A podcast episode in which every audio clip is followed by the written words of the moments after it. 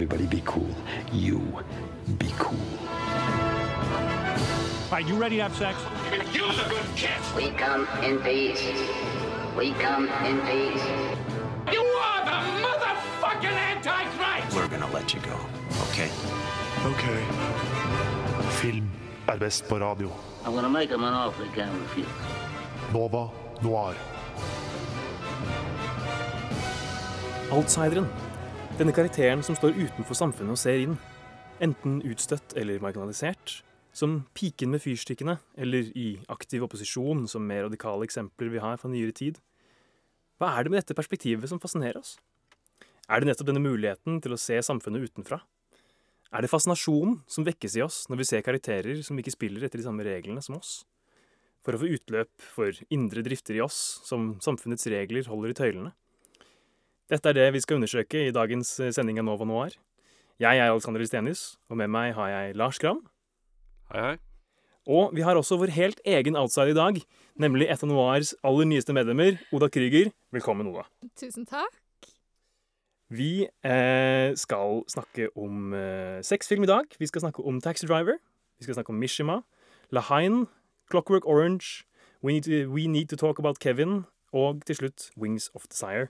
Men før det så skal vi snakke litt om hvilke filmer vi har sett siden sist. Og Oda, vil du begynne? Ja, Um, nå har jeg vært veldig inne i disse filmene som vi har tenkt til å, um, tenkt til å diskutere i dag. Um, men jeg så Love and Other Drugs for første gang på veldig mange år. Uh, som fikk meg til å stille spørsmålet Er Anne Hathaway egentlig en god skuespiller? For det var skikkelig dårlig. Oi, ja, det, det er en film jeg minner om at jeg ikke har sett. Den, Eh, ikke gjør det, du. Nei, Det er helt fint. nei, er det typ Jeg tenker jo romcom med en gang jeg Eh, hører ja, ja, det er romcom, og- men det handler om Anne Hathaway og Jake Gyllenhaal, hvor Jake Gyllenhaal selger Viagra eh, og sliter med å få ståpikk. Ok. Det høres ut som et interessant- eh, avsett til en film, det. Ja, veldig. Um, og så hadde Anne Hathaway i filmen har også parkinson, så det er liksom en, he det er liksom en hel sånn um, side story. Og det var veldig ikke bra i det hele tatt. Men um, jeg så også opp igjen for jeg tror tredje eller fjerde gang In The Mood for Love av Wong Kar-wai, som er en av mine favorittfilmer. Og den traff meg om enn enda hardere denne gangen. Jeg så den. Den er bare så vakker. Anbefaler alle å se. Definitivt. En helt strålende film. Mm. Eh, Jeg kan gå videre til å snakke om eh, hva jeg har sett siden sist. Jeg har ikke sett eh, så mye annen film enn det vi har snakket om nå. Jeg har dykket litt ned i, i hva jeg har valgt å kalle campy science fiction. Fra liksom før 2000. Eh, Jeg tror kanskje det også blir avsett til en, en sending her på Radionova snart. Fordi det er altså helt fantastisk. Jeg har sett, eh, Så langt har jeg sett eh, Starship Troopers og Predator. Som er på en måte, Det er to filmer jeg har sett før, og som på en måte bare er Åh, det er så nydelig. Det er sånn, altså de, denne, altså den campigheten, det at de på en måte balanserer på akkurat liksom på kanten til hva som er liksom for mye og for teit, men på en måte akkurat holder seg liksom innenfor. Og disse, altså det er one-liners, og det er flotte mannlige kropper som får lov til å skinne i solen, og det er bare sånn ah, eh, Det er alt man kan ønske seg. Eh, det glinser i svette. Predator i seg selv. Wow, for Ja, en eh, reklame for bodybuildere den filmen er. Hva med deg, Lars? Jo, liksom, vi har sett to filmer nylig, og den første trenger bare noen få pust fra meg. Den fortjener ikke mer, og det er Beyond the Law med Steven Segal. Jeg, jeg bare sier det med en gang. Den fortjener ikke mer info fra meg. Men den gode filmen jeg så nylig, det var The Manchurian Candidate fra 1962. Med Frank Sinatra og de, diverse. Og det er en helt absurd film. Og den er jo laget på, liksom, på toppen av The Red Scare da, mot kommunistene og sånt i USA. Og så er det jo Det er det sykeste konseptet at eh, det er noen soldater under Koreakrig som blir kidnappet, og så blir, kommer de tilbake De blir frisluppet da, eh, tilbake til USA på slutten av krigen. Og så viser det seg at de er hypnotisert, og de er sånn sleeper agents for kommunistene. Og det er sånn det er, det er en scene da som går gjennom filmen hvor det er, det er et møte med alle, alle disse kinesiske kommunistene, russiske kommunistene. Jeg har aldri sett så karikerte figurer før. De prater med aksenter, de, de sier 'comrade' hver annenhver setning, og ja, det er en, Men det, det er en helt fabelaktig film, altså. Det er Sier de 'comrade' eller sånn 'comrade'?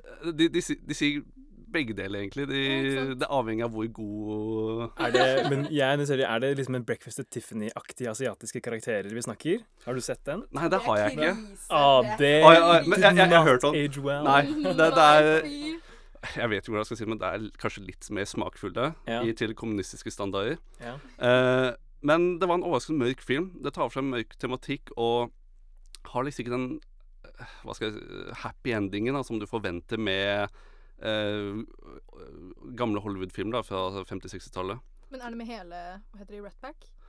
Eller er det bare Frank Sinatra? Nei, det er, det er bare Frank Sinatra. Ja, okay. Eh, og så er det en annen person som jeg, Han Jeg skal bare si det rett ut. Han ligner skikkelig på Jude Law. Jeg bare sier, hvis, hvis de lager en remake, enda en, for at det kommer en remake Kom med Denzel? Eh. Denzel Washington, ja. Ja. Eh, men hvis det kommer en til remake, så må de ha Jude Law der. På at Nei, han, men jeg syns amerikanere må slutte med remakes. ja, ja. Det er sånn Amerikanere har, de har jo trend med å lage remakes av internasjonale filmer, men når de remaker sine egne filmer, da Ja. Ja, vel. Men eh, la oss eh, hoppe videre. Vi skal over i en sang som heter 'Skådespillsamfunn' av Sliten Eliten.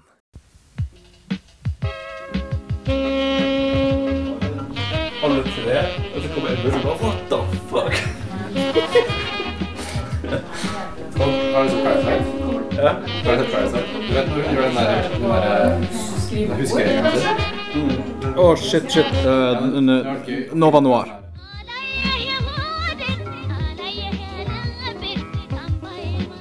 Det var altså 'Skådespillsamfunn' av Sliten Eliten.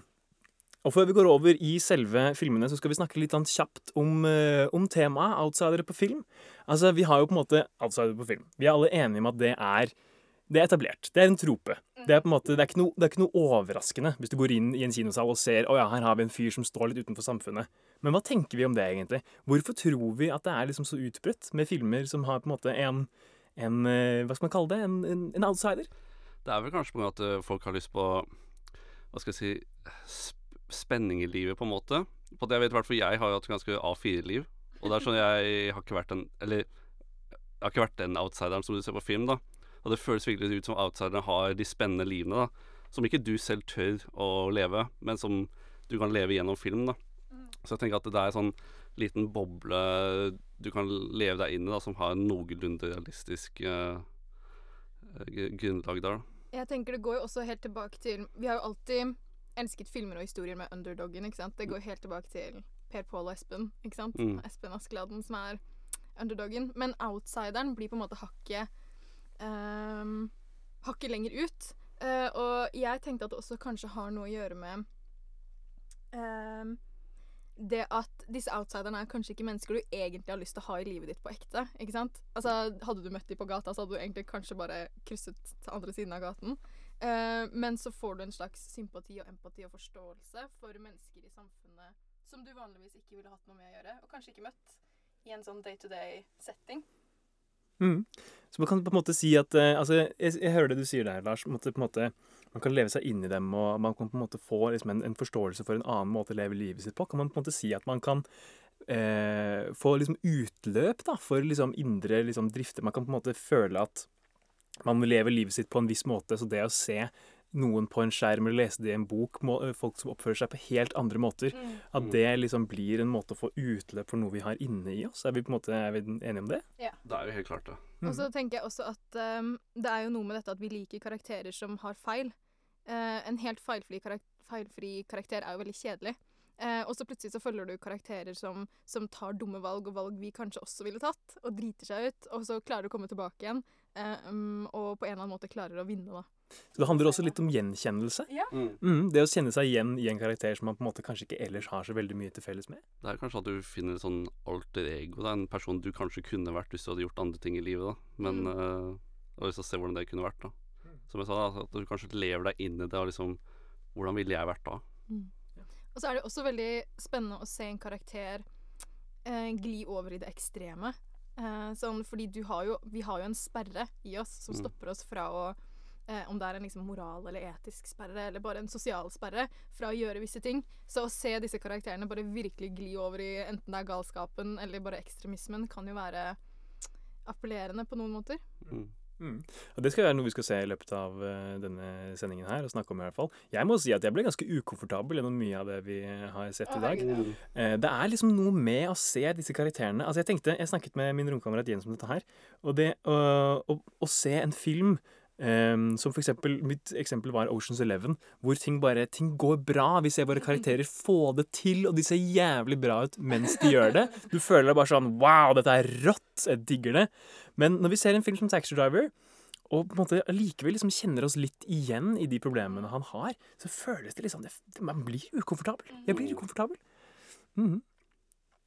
Og det er jo på en måte Nå skal vi jo ikke for- foregripe altfor mye samtalen om eh, disse filmene, men vi kan jo nevne da at vi skal i hvert fall snakke spoilers.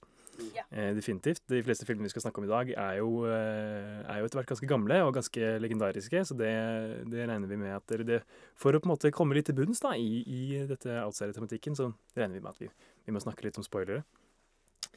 Eh, ellers så tenker jeg at vi egentlig går, bare hopper eh, rett inn i det. Og vi skal begynne med, med Taxi Driver. Men vi kan starte med altså nå her har vi, skal vi ha en sånn en slags eh, liten struktur på hver- hvert stikk, hvor vi begynner med en kjapp introduksjon av, av filmene. Eh, som da går over i en litt sånn diskusjon mellom oss, hvor vi til slutt, eller hvor vi etter hvert liksom peiler det mer inn eh, til en samtale om liksom temaet outsidere. Eh, og nå skal vi altså gå over i eh, filmen Taxi Driver. Men før det så skal vi høre en sang, nemlig Jada av Isabel Bjørnerås. Nova Noir. Nova Noir. What the fuck? Nova Noir. Vi sitter her hver torsdag fra 10 til 12. Det var altså Jada av Isabel Bjørnerås. Eh, nå skal jeg sende ballen videre til eh, Lars, som skal introdusere Taxi Driver. 272. Second call, 4 Fort Hamilton, 417. One item 5. Alfano, 448. De Niro. 4 and 5. In Bang the Drum Slowly, the critics called him a brilliant new talent. After Mean Streets, they said he was a genius. For his performance in The Godfather Part 2, they gave him the Academy Award. Come on, man. Just get me out of here, all right? Now, Robert De Niro creates a terrifying portrait of life on the edge of madness. Tabby, just forget about this. It's nothing. Taxi Driver, a film by Martin Scorsese. Yeah, people do anything in front of a taxi driver. I mean, anything. People too cheap to, to rent a hotel room. Driver, hurry up, will you? People want to embarrass you. It's like you're not even there. It's like, you know, like a taxi driver doesn't even exist. Ja, Taxi Driver det er en film regissert av Martin Scorsese med Robert De Niro i hovedrollen, som spiller den eh, personen som lider av insomnia, da, Travis Bickle, som ikke har noe å gjøre for tiden da, og klarer ikke å sove. Så han melder seg opp og for å jobbe som en taxisjåfør da, i New York. Han driter i hvilke nabolag han kjører i. Han kjører overalt, anywhere, anytime, som han selv sier.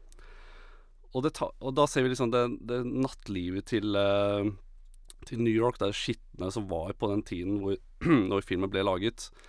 Um, men i løpet av filmen så eh, kjører han forbi et eh, kontor for valgkampanjen eh, til en presidentkandidat, hvor vi ser en, eh, en Hvor han stalker en dame som jobber der, som heter Betzy. Og de utvikler et lite forhold, og vi ser det ta, ta sin tur, da. Og hvordan dette Hvordan dette ektesk eller ikke ekteskapet, men hvordan dette for forholdet går nedover, hvordan det påvirker Travis da, og hans syn på, på eh, menneskene i byen og omgivelsene. Mm. Mm. Eh, det er jo en veldig, veldig interessant film, og også et veldig liksom, interessant eh, perspektiv utenfra og inn. på en måte. Han, han renner seg jo veldig liksom, i opposisjon mot det han ser som liksom, moralsk forfall på gatene i, i New York City. Eh, og det er jo, altså, Selv om mange av hans, liksom, eh, hans synspunkter er veldig ekstreme, så forstår man jo veldig godt hvordan han kommer til disse konklusjonene. Men han blir jo bare liksom Han er jo på det laveste og laveste. Han bor i en skittig leilighet. Han tar en jobb som liksom ser liksom det verste av byen. Og så ser han hvordan liksom ting ikke blir løst. Og så er det disse presidentkandidatene som lover liksom ting. 'We are the people' er jo Mm. catch, catchphrasen til eh, den kampanjen, da. Og det er jo Vi ser at det ikke er helt sant, det disse fancy folka i suits eh, lover. Så det, det er jo Du skjønner jo ekstremt godt hvorfor han Det er mye liksom politiske floskler som blir kastet rundt av denne presidentkandidaten. Han skal liksom gjøre altså, We are the people. Det, vi skal gå sammen, vi skal stille oss imot, og vi skal jobbe, vi skal få det til for the average Joe. Mm. Er hva man sier. Og det er også noe jeg føler er en sånn rød tråd mellom eh, flere av disse filmene som vi har sett. Det er jo dette med klasseskille. Eh, forskjell mellom de som er oppe og de som er litt lenger nede Mm. uh, i samfunnet. Og så er det jo interessant å se hvordan Travis starter jo på en måte som en outsider allerede. Han sier han har fått en honorable discharge fra uh, marinen, er det vel? Mm. Um, og hvordan han allerede er litt sånn sosialt ikke så god, uh, og hvordan det bare um, blir mer og mer ekstremt pga. hans insomnia. da Og hvordan det presser han enda lenger ut fra samfunnet, og presser meningene hans også lenger og lenger og lenger ut mot det ekstreme. Mm. Det er jo en sånn ond spiral hvor han liksom Mhm. ikke kommer seg ut av det. Og det er jo, ja, det er jo ganske fælt å se på. Det er sånn Og du, du, tenker, du tenker liksom hvordan, hvordan skal han komme ut av dette her, da? Hvis han Hva slags valg er det man må gjøre da for å komme seg ut av dette? Jeg synes det var litt sånn Jeg begynte å tenke på hvor dårlig døgnrytmen min er mens jeg satt og så på det. Jeg bare Oi, nå, må jeg, nå må jeg passe på. Ytterste konsekvens kan du havne opp der. Kjøre Uber eller kjøre Volt rundt omkring på en fredagskveld og se på dette moralske forfallet. Av Oslos by. Ja, ja, ja, ja. Nei, men det er jo altså eh, han, Og det er jo så, så hjerteskjærende å se. Du nevnte hans forhold til, til Betzy. Man ser jo på en måte at han kan være veldig sjarmerende når han på en måte Mm. Ikke nødvendigvis når han vil, men når han på en måte har, når, han kan, når han, når han liksom føler at han må, så kan han på en måte sti, gå ut av sitt skall og liksom være en innsiktsfull person som på en måte klarer å, å, å, å gå eh, og si hei til Betzy. Mm, ja, ikke sant? At han i det hele tatt klarer å komme inn og, og si noe. Men det andre er jo det at eh, det er litt sånn trist at han har jo egentlig ikke noen dårlige intensjoner. Eh, sånn fra starten av så er jo intensjonene hans relativt rene. Um, ja. Men, men det, det er jo én ting uh, som, eh, som, er, som jeg føler er gjennomgående i disse filmene, her, er at de har lyst på en eh, mening i livet. på en måte. At det er sånn, Når de har liksom et mål, så, så kan de faktisk gjøre det som trengs. da. Og det er jo som, sånn som Betzy, at hun sier at hun, han går inn på dette kontoret, bare driter i alle rundt seg, bare 'Jeg har lyst til å date deg'. Liksom Det Mm. valget der, da, når han liksom har den målet. Og det er jo når, de, når det forholdet går pladask, da, så mister han jo målet, og da mister han jo også Ja, for han er, liksom, han er veldig retningsløs i det han gjør, og han finner på en måte en retning i Betzy. Ja, det er jeg helt enig i. Og så er Bare kjør på. Ja, og så finner han jo også Da er han veldig sånn, kjapt ute med å prøve å finne en ny retning, ikke sant? Så da Mm. finner han jo hun som eh, Jodie Foster Det er vel Jodie Foster sin debut på Mm. skjermen. Mm. Um, eh, da finner han henne veldig kjapt og bare 'Jeg skal redde deg'. Ikke sant? Du er Mm. mitt nye prosjekt. Mm. Så han føler jo på en måte at han er en helt. Og slutten er, var veldig også eh, hadde veldig sånn ambivalens i seg. Fordi den var veldig Den var jo på en måte en happy ending på, på et par måter. Jeg syns um, jeg synes vi skal gå litt tilbake og snakke mer, litt mer om Betzy, for det er én ting som jeg gjerne vil snakke om før vi kommer til slutten. Eh, og det er liksom Det er denne kinoscenen. For det jeg merket med en gang jeg satte meg ned for å se på Taxi Driver, jeg gruet meg til kinoscenen. Jeg gruet meg masse til der hvor han på en måte Når han først, først går inn i denne pornokinoen og, og kjøper godteri! Kjøpe godteri og popkorn for å sitte i en skikkelig skitten, sal sammen med masse andre menn og se på porno. Svensk nonetheless. Ja, svensk nonetheless. Det ah, uff, Nei, altså, det, det, det var Det eh, er kanskje en av de verste scenene Ja, den, den, den gjør vondt. i filmhistorien. Den gjør veldig vondt. Og så er det på en måte altså det er jo, Men det er jo hans forhold. Liksom. Det, er, det er hans Mm. forhold til, til, til Kina. Han har, jo- man har sikkert man har bare hørt at man liksom, Som en date så tar man med sin utkårede med på kino. Og det han ser på kino, er jo pornofilm, så det er naturlig for han å ta med seg Ja, det- Betzy på Og pornofilm. det er det han sier også gjennom filmen. Sånn oh, yeah, I don't know about that. Ikke sant? Han bare sier sånn Å, jeg vet egentlig ikke noe om film, jeg vet ikke noe om politikk, jeg vet ikke noe om dette, men dette er det jeg kan, så dette er det jeg gjør. Så han er jo på mange måter naiv også. Han, han, prøver, han prøver det beste han kan. Og det er jo morsomt at han blir jo Han er jo på en måte den velgeren som han politikeren ser etter. En person Mhm. som ikke eh, vet helt hva han mener, men bare følger med Ja. som den sauen han er, kanskje. da Absolutt, men sånn retningsløs som på en måte bare, egentlig bare trenger å bli fortalt at det her er på en måte det du trenger å bry deg om. Mm. Eh, og bare følg etter meg, så kan jeg liksom lede deg i denne retningen. Eh, det er ganske interessant. Men la oss gå, la oss gå tilbake til, til filmens slutt. Ja. Denne ambivalensen. Altså, han For det her er jo noe som kommer tilbake i flere av disse filmene vi skal snakke om litt senere. Det er jo den, liksom, den siste dramatiske handlingen, liksom opp, opp, oppofrelsen, den siste akten. En, på en måte en slags, altså her er det jo, Han, han, han situerer det selv som et slags liksom, rituelt selvmord, egentlig. Han skriver jo et, et, et farvelbrev og etterlater alle pengene sine til, til Iris før han går inn. Og han regner jo egentlig med eh, å dø i denne akten, men det gjør han ikke allikevel. Han, han prøver jo å drepe seg sjøl, men han har gått tom for kuler. Ja, Med Han prøver alle pistolene. Ja, ja, ja. Det, det, er en, det er en hjerteskjærende scene, men er det, er, det en, er det en lykkelig slutt?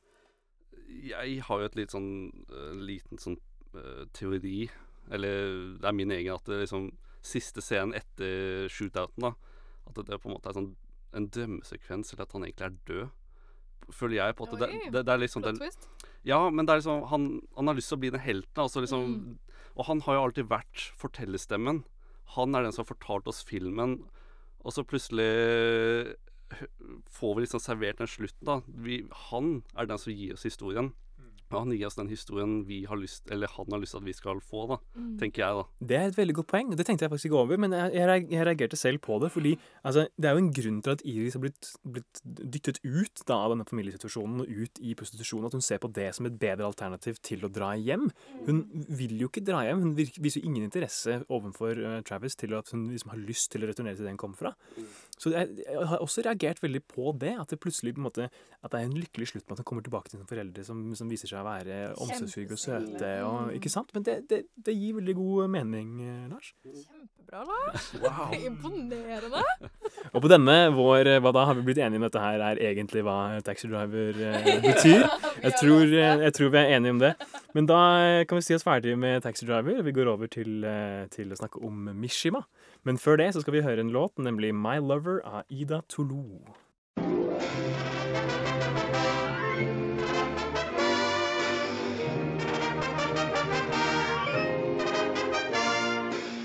Du lytter til Nova Noir hver torsdag 10-12 eller på podkast når du vil. Det var altså My Lover av Ida Tolo. He was an intellectual who advocated action. He was a rebel who fought for tradition. He was an artist who shocked the world. Francis Ford Coppola and George Lucas present a new film by Paul Schrader. Mishima. Tematikken i Taxi Driver, med den enslige mannen som står utenfor samfunnet i opposisjon mot det han ser som uønskede tendenser, er noe som går igjen av flere film skrevet av Paul Schrader, som da også har skrevet eh, Taxi Driver. Det er kanskje tydeligst i filmen Mishima fra 1985, som han både skrev og regisserte. Filmen er basert på livet til den japanske forfatteren Yukio Mishima, men den inkluderer også filmatiseringer av tre av hans verker. De som har hørt vår innslagssending for to uker siden, husker kanskje at jeg da lagde et innslag om nettopp denne filmen, og måten den bruker Mishimas verker til å utdype vår forståelse av han som karakter. At han er en outsider, er det ingen tvil om. Han levde de første årene av sitt liv nesten innesperret med sin bestemor, hvor hun fortalte han store historier om deres adelsherkomst og om Japans stolte tradisjoner. Dette ville forme hans samfunnssyn drastisk i årene som kom. Der Travis fra Taxi Driver er opptatt av det han ser på som moralsk forfall, er Mishima mer opptatt av forfallet av tradisjonene, til fordel for et mer amerikanisert, kapitalistisk samfunn. Ikke bare var han besatt av estetikk, han skapte også sin egen private hær, og iscenesatte sitt selvmord som et kuppforsøk med svært rituelle undertoner. Filmen spekulerer også mye i hans seksuelle legning, som gjorde at den ikke ble særlig godt mottatt verken av Mishimas enke eller de høyreekstreme grupperinger i Japan som holder han høyt. Da jeg allerede har gått en del inn i denne filmen i den tidligere sendingen, skal jeg ikke bruke så mye mer tid på å forklare handlingen her, men heller sende ballen videre. For det er ingen hemmelighet at jeg holder denne filmen veldig høyt. Men eh, Lars, du er ikke så begeistret for den? Hvordan skal jeg si det? Jo, nei, jeg vet ikke om du så det, men jeg, jeg ga jo stjernen egentlig Nei, jeg ga filmen tre og en halv stjerne på Letterboxd. Men jeg har faktisk oppgradert den til fire nå. Um, på måte, det er en film du faktisk må la synke litt. Er, jeg rater alltid filmene rett etter jeg har sett de. Men denne her tok meg kanskje en uke pluss eh, konstant lytning lytting til soundtracket før jeg Mm. oppgraderte den. Og jeg har tenkt med å kanskje oppgradere den en halv stjerne til. Oi. Den er, det er såpass, altså. Mm, Den, det er såpass. det er så mye følelser der, og det er så mye Det, det er bare en Philip Glass bare skyter den helt opp i været. Ja, det må jeg også si at det var et av de Altså, det som rørte meg mest, var, var jo soundtracket. Det var helt Altså, det var utenomjordisk på et par eh, øyeblikk der. Sånn som første gangen eh, som Mishima, der ser vi et, i et tilbakeblikk at han eh, for første gang blar i en eh, en bok med klassiske malerier, og så ser han et maleri av en mannekropp. Det er jo der det blir, starter å bli liksom insinuert at han kanskje er eh, homoseksuell, da. Eller homofil, heter det jo. Whatever. Altså, eh, Og eh, musikken som kommer da, var utrolig sterk. Ikke, ikke le. Nei, men det er helt sant. Altså, Philip Glass gjør virkelig bare sånn Han gjør denne filmen her. Han hever den opp ett eller to hakk. Jeg vet ikke helt. Men jeg har selv hørt veldig veldig mye på soundtracket i, i etterkant. Men det er jo ikke soundtrack vi skal snakke om her. Vi skal snakke om outsidere på film. Ja! Eh, og la oss gå inn i, i, i Mishima som en slags outsider. Altså Der hvor Taxi Driver sin Travis er eh, Han er på en måte en, en outsider på, en måte, på alle måter. Han har egentlig ingen i sin kjerne. Han er egentlig alene mot verden. Mishima har jo Han har jo ikke bare mennesker rundt seg. Han har sin private hær, han har sin kone, han har sine barn. Han har altså ordene. Han, man, man ser på en måte for seg at Paul Schrader Paul Schrader har jo også uttalt dette her i, i, eh, i forbindelse med denne filmen. At, at kunsten for han er jo liksom et utløp. Det er der han får på en måte utløp for sine, sine, sine indre liksom, drifter og, og behov. Mens dette her var jo ikke nok for Mishima. Han måtte liksom ut og gjøre ordene til handling. Det er jo helt, det er jo helt, det er helt sinnssykt. Det er en helt sinnssyk historie. Mm, og det er jo ganske likt, som jeg sa tidligere, at eh, vi som seere har lyst til å leve oss inn i en film. Så har jo Mishima lyst til å leve seg gjennom bøkene, men det for han da blir det for lite. Mm. Så han tar jo liksom det neste steget og gjør eh, innlevelsen om til realitet, da. Altså, han var jo også en mann med en visjon. ikke sant? På samme måte som Travis hadde et veldig tydelig mål, så har jo også Mishima da et utrolig tydelig mål, som er at han vil gjøre kunsten ekte, og han vil gjøre sin visjon ekte. Den, det er ikke nok um, og på en måte eh, bruke ordenes kraft på den måten. da. Og det syns jeg også var veldig spennende, for jeg har aldri sett en film som har en oppbygging på den måten. Altså det her var jo Det var på en måte tre tidslinjer eh, vi fulgte. Det var eh, tilbakeblikkene eh, til hans barndom, og så var det ehm, eh, da hans verk, som da var filmatisert, og så var det fra denne tidslinjen hvor vi ser han gå fra eh, og sitte hjemme i en ikonisk blå sånn glitterpysjamas. Ja, så wow. silkeglitter. Altså, snakk om pysjamas, folkens! Ja, herregud. Eh, til han da kommer til eh, eh, Hva er han er? Han er inn, hva slags minister eller noe sånt? er Han, er, han, Han er egentlig bare en general. ja, han er en Mm, general, ja. Ja, de kommer til en sånn eh, eh, En general som de holder hostage.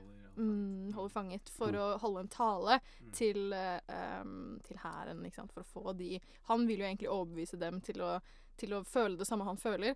Og det var også overraskende hjerteskjærende når, Mm. ikke, når han ikke Han klarte rett og slett ikke med ord eller handling å få denne hæren på sin side igjen.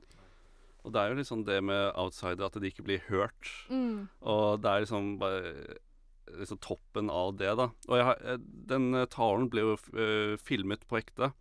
Og jeg har jo sett litt på de klippene der. bilder og ja. Mm, og det er jo det er, De har fått det veldig likt, for det første, men det er også nesten like hjerteskjærende. da Liksom Når du vet backstoryen, liksom, liksom du, du, du, ser, du vet drømmene hans, da liksom bortsett fra hele den greia med kupp og liksom de greiene der, da, så føler du virkelig med da liksom disse drømmene han har da om å liksom gjøre verden et bedre sted i hans uh, syn. da Ja, ja, ja. For han har, jo, han har jo et ganske ekstremt bilde av hva som er en bedre Ganske er vel en, Mm. under, en underdrivelse. Et ekstremt, han har et ekstremt syn. Vi kan definitivt kalle han Det er jo Istedenfor å gå, å til de liksom, fascistiske røttene, da, til uh, andre Mm. verdenskrig, som han kom ut fra uten å være i krig, da. Men uh, så vil han tilbake til uh, liksom keiserdømmen, da, hvor liksom emperor Ja. er, er alt, da. Mm. På at Under annen verdenskrig så var jo emperor bare en liten puppet da, for regimet. Mm. Så det er jo veldig ve veldig spennende å se at han ville gå så langt tilbake. da Mm. På at eh, det har jo vært, var jo ganske turbulente tider i japansk historie. Mm. Og jeg, jeg må bare understreke at det er imponerende at filmen klarte å få oss til å føle med han i siste scene, eh, i siste øyeblikk, sånn som det vi gjorde da. Eh, fordi ofte så kan det jo være litt vanskelig å sympatisere med, som vi også kommer tilbake igjen senere. At noen av disse karakterene kan være vanskelig å sympatisere med og vanskelig å like. Så selv om han i opptil flere øyeblikk kunne være vanskelig å, å føle med, um, så synes jeg at det siste scene var genuint hjerteskjærende. Jeg, jeg satt og hadde et skikkelig klump i brystet. Og det, hadde det vondt. Og det er noe jeg tenker på, at sånn som Taxi Driver, Mishima og som vi kommer senere på uh, Clockwork Orange, alle tre har figurer du kan sympatisere med, men alle har fortellerstemmer. Og det er liksom på en du, du, Problemet med film er at du kommer ikke inn vanligvis på den dybden da, hvis du ikke har fortellerstemme på Uenig. personene. Ja. Men, Men her er jo, hvis jeg kan, hvis jeg kan ta over, det er jo, eh, det er jo eh, vår vår innsikt i hans litteratur, hans litterære, litterære, litterære output. Det er på en måte det som virkelig som putter oss inn i hodet hans og ser liksom mer fra liksom, hans perspektiv, hvordan han tenker på tingene. Mm. En utrolig utrolig fascinerende karakter. Men en ting jeg ville ta på med dere, som, jeg, eh, som vi ikke har nevnt i forbindelse med Taxi Driver, altså den ting som både Taxi Driver og, og Mishima har til felles, er denne fascinasjonen som deres hovedkarakterer har med kroppsbygging. Ja, mm. vet ikke om dere merket det? Mhm. hva, hva er greia med det? Hvorfor har vi liksom disse store disse outsiderne som selv legger så mye vekt deres liksom estetiske utseende? Liksom, problemet blir jo det at det er jo, handler jo mye om maskulinitet. Liksom, alle disse hovedkarakterene Et vi- vi problem indeed. Ja, et problem vi har Eller hovedkarakteren vi har hatt så langt, er jo, har jo vært menn.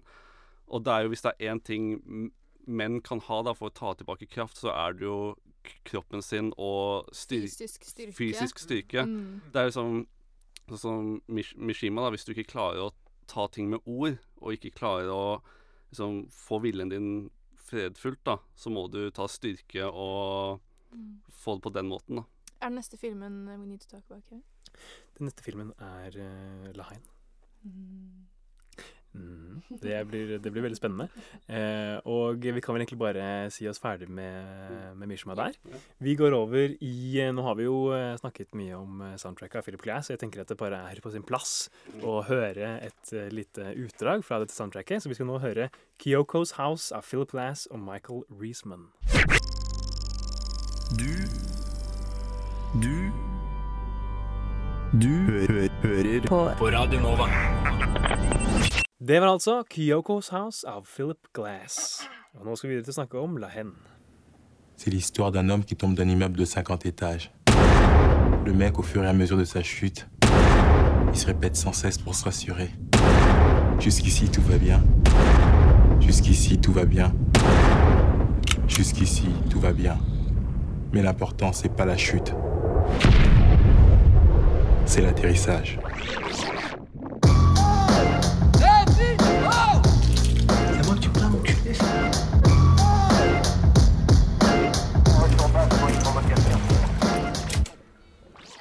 La Hen, eller Hatet, er en fransk sort-hvitt-film fra 1995. Den er skrevet, klippet og regissert av Mathieu Kosowitz, som dere kanskje kjenner igjen som kjærlighetsinteressen i Amelie. Så veldig flip-flopping her mellom eh, både Mm. sjanger og tematikk i Mathieu sin eh, kunstneriske karriere. Eh, filmen portretterer 24 timer i livet til tre unggutter som bor i en drabantby utenfor Paris, hvor politiet nettopp har slått hardt ned på et opprør. En venn av hovedkarakterene blir brutalt banket opp av politiet under opprøret, som gjør at han ender opp i en koma. La Hen har blitt en kultklassiker eh, som fortsatt er svært aktuell i dag, pga. måten den tar opp temaer som rasisme, politivold og klasseskille. Ja, da Jeg har egentlig litt lyst til å sende ballen rett til Lars, eh, for her er det veldig delte meninger. Ja. La Hen er jo en av mine favorittfilmer. Jeg elsker La Hen. Jeg kan se den uendelig antall ganger. Og så kommer Lars, my enemy, Og det, jeg ga en to og en halv stjerne på Letterboxd. Mm. Uh, som du fortjener straff for, men greit. Ja, nei uh, Teknisk sett, filmen er veldig fint laget. Den sitter veldig bra, og liksom alt egentlig bortsett fra liksom figuren eller storyen i filmen. På at uh, Som du sier, da, filmen er en kommentar på politivold, og jeg sa at du kanskje skal være litt imot politivold. Men som jeg sa til dere tidligere, så sa jeg, så sa jeg at eh, jeg skulle egentlig ønske det var litt, litt mer politivold. På at disse figurene her var helt avskyelige, og det er ikke noe å like med dem. Det er eh, Ja, nei, det er en bra film, men disse figurene er har ingen redeeming qualities whatsoever. Og det har dere til felles. Nei. Som du kanskje skjønner, lyttere, det her er det amper stemning. Her er det Eh, amper stemning, og nå skal jeg forklare deg hvorfor du tar feil, og jeg har rett. altså, jeg kan skjønne hva du mener. Dette er karakterer som De er ikke nødvendigvis veldig sjarmerende hvis du ser på dem på papiret. Men poenget her er jo at dette er ikke folk som er outsidere fordi de har valgt å bli outsidere. Dette er folk som samfunnet har bestemt at er outsidere pga. klassen de rett og slett er født inn i. Pga. kortene de har blitt tildelt, så har de blitt outsidere. Og det jeg syns gjør disse karakterene så geniale, er nettopp det at de er så feilbarlige. De gjør så mange feil, de tar så mange dårlige valg, og de driter seg ut. Akkurat sånn som vanlige mennesker gjør. Og så syns jeg også at det er veldig aktuelt med tanke på at um, denne filmen diskuterer jo dette med politivold og politibrutalitet. Um, for det første så er jeg helt uenig med deg. Jeg syns ikke det burde være mer politivold. Jeg syns at det gjør det bare enda um, enda sterkere at de tingene vi ser, ehm, ikke er de mest ekstreme tingene, og at de tingene vi hører om altså Det er jo sånn som uh, min eh, fantastiske lærer Aksel Helstenius sier, at et monster er alltid skumlere når du ikke ser det. Mm. Um, så når politivåren ligger der og ulmer i bakgrunnen, så er det du vet at trusselen ligger der, men du, du trenger ikke se den hele tiden, tenker jeg, da. Og det er jo denne trusselen om vold som ligger veldig liksom og ulmer i Mhm. denne, denne filmen her. For det er jo på en måte fra starten av så får vi på en måte se disse bildene fra det som man Jeg regner med at det er liksom reelle bilder fra forskjellige gateopprør da, i Paris. Og man på en måte merker at det er en stemning der liksom folk vil ut, og de vil ta hevn for denne. De er sinte. Og når denne pistolen havner i hendene til Vince Jeg blir stressa med en gang jeg ser den telefonen. det er for øvrig hoved, kanskje, kanskje hovedkarakteren, kan man si. da. Eh, Mm. spilt av Vincent Cassell. Jeg lurer på om dette også var ganske tidlig i hans eh, karriere. Um, og han da, da havner jo da en, en politipistol som havner på avveie i opptøyene. De, det havner da i hans hender, da. Men sånn som det sier, da, så er det jo Det er jo sånn en trussel med vold, og catchphrasen i filmen er jo eh, 'hate breeds hate'. da, liksom Mm. At uh, alt handler om hat i den filmen her. Men jeg tror det største Der det skurrer mest for meg, da, at vi har ikke fått noe etablering av hvordan et vanlig liv er der. Vi starter midt i opptøyene, men vi, vi får liksom ikke den emosjonelle oppbygningen med de, i å føle med dems, dems hat. Da. Vi er bare rett ute i det og for Jeg har lyst til å vite hva et normalt liv er for de før vi blir kastet ut i disse opptøyene. Men jeg føler at vi får se det. Jeg føler at det vi ser på taket ikke sant? Vi ser, Noe av det første vi ser, er at eh, til de tre hovedkarakterene våre, som er Saeed, Vince eh, og Hubert, som han så fancy heter, fransk, um, det er at de er på et tak av en gammel bygning og griller med masse kompiser. Og dette er også scener som, eh, som ikke nødvendigvis har så mye manus heller. Det er ikke så veldig scripta. Dette er folk som bor i Paris, som de, som de fikk med til å bli med i denne filmen. Og de tuller, og det går på kryss og tvers, og dialogen går så fort, og samtalene er så naturlige. Og det er også noe av det som gjør det så bra for meg, er kjemien mellom disse tre hovedkarakterene er bare Du ser nesten Mm. ikke sånt på film lenger. Og det er helt sant, og det virker som om den filmen på en måte har et veldig sterkt element av liksom improvisasjon og, og lek. Altså, Våre hovedkarakterer, de tre hovedkarakterene, som du sier, de har jo, deres karakterer har jo navn etter skuespillerne. Mm. De heter jo skuespillerne, og karakterene har samme navn. Som på en måte, som jeg i hvert fall tolker selv da, som at det er liksom en del av, av deres, deres liksom repertoar. At de på en måte bare snakker sammen. Mm. Slik at det på en måte har nesten blitt nødvendig at de bare heter det samme som man kan filme dem i deres interaksjon med hverandre uten å tenke på at de skal liksom si riktig navn hele tiden. Eh, og det gir en, sånn, en veldig sånn sterk liksom, følelse av realisme. Jeg er helt enig med deg, Oda.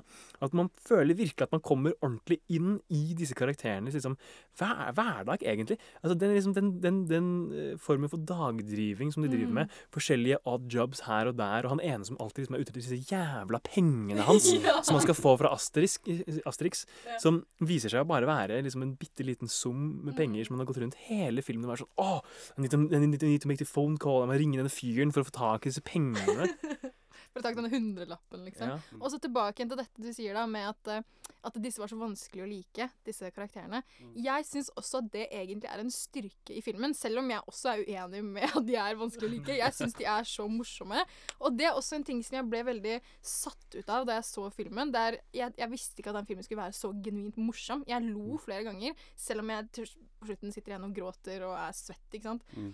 Men eh, dette er jo en aktuell, en dagsaktuell diskusjon, dette med politivold og folk som blir f.eks. drept av politiet.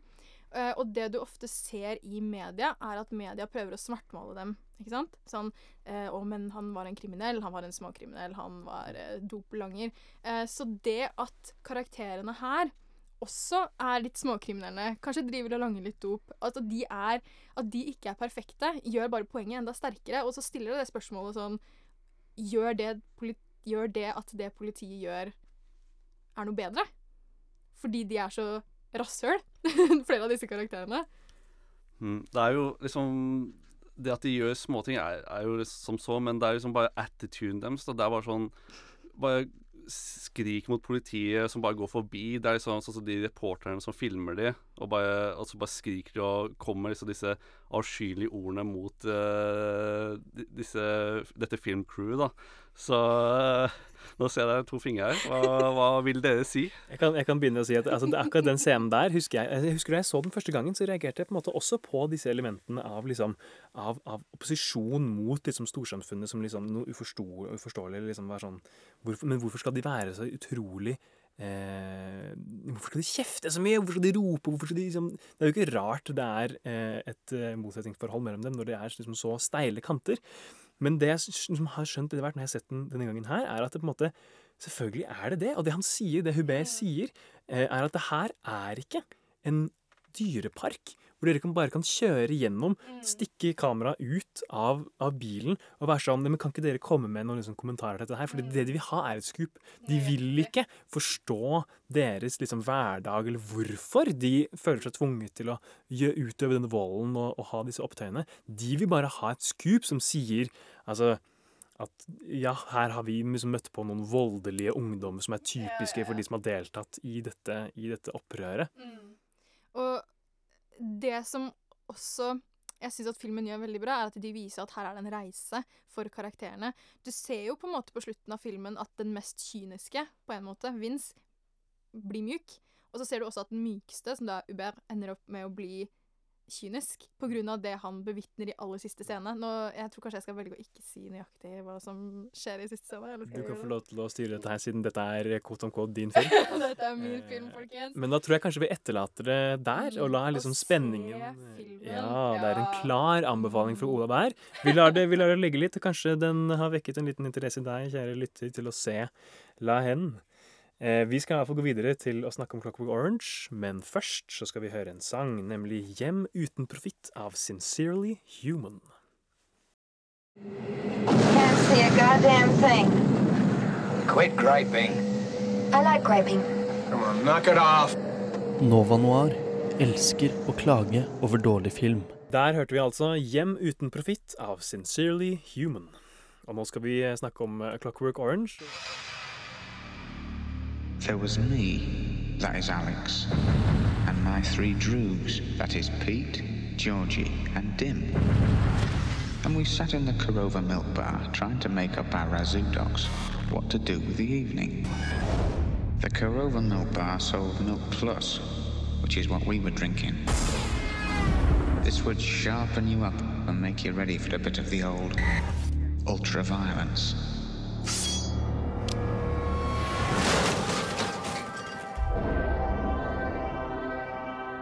Er vel min favorittfilm av Stanley Kubrick, A 'Clockwork Orange'. Den, vi følger karakteren Alexander DeLarge, eller Alex som det heter. Han bor, dette er sånn, det er sånn nær fremtidaktig England, hvor ting går litt til helvete, og det er mye kriminalitet og skittenhet som vi har sett i de tidligere filmene vi har pratet om. Og han er gjengleder for en gruppe med tre andre personer som de kaller droogs. Og de går rundt på natten og casually gjør rabalder, slår hjemløse folk og voldtar eh, kvinner i sitt eget hjem og Ja, de er ikke helt de godeste gutta på blokken, som man kan si, da. Og så i løpet av filmen så gjør han og droogsene flere og flere fæle ting. Men det, dette går jo utover privatlivet til Alex, hvor han er jo ikke på skolen i det hele tatt. Og han eh, sjefen, eller han som har ansvar for velkomsten eller ve velværen til elevene, eh, er jo helt opp oppgitt over Alex. Og så etter noen eh, et mislykket eh, forsøk på å igjen voldta en stakkars kvinne i sitt eget hjem, så blir han, han tatt av politiet og blir sendt på et correctional facility. Og grunnen til at han blir tatt også, er jo fordi han blir eh, sveket av sine dru dru, druger. Helt klart. For at han er jo ikke den beste lederen. Eller han, han har et jerngrep, da, som vi har Som man ser. Absolutt.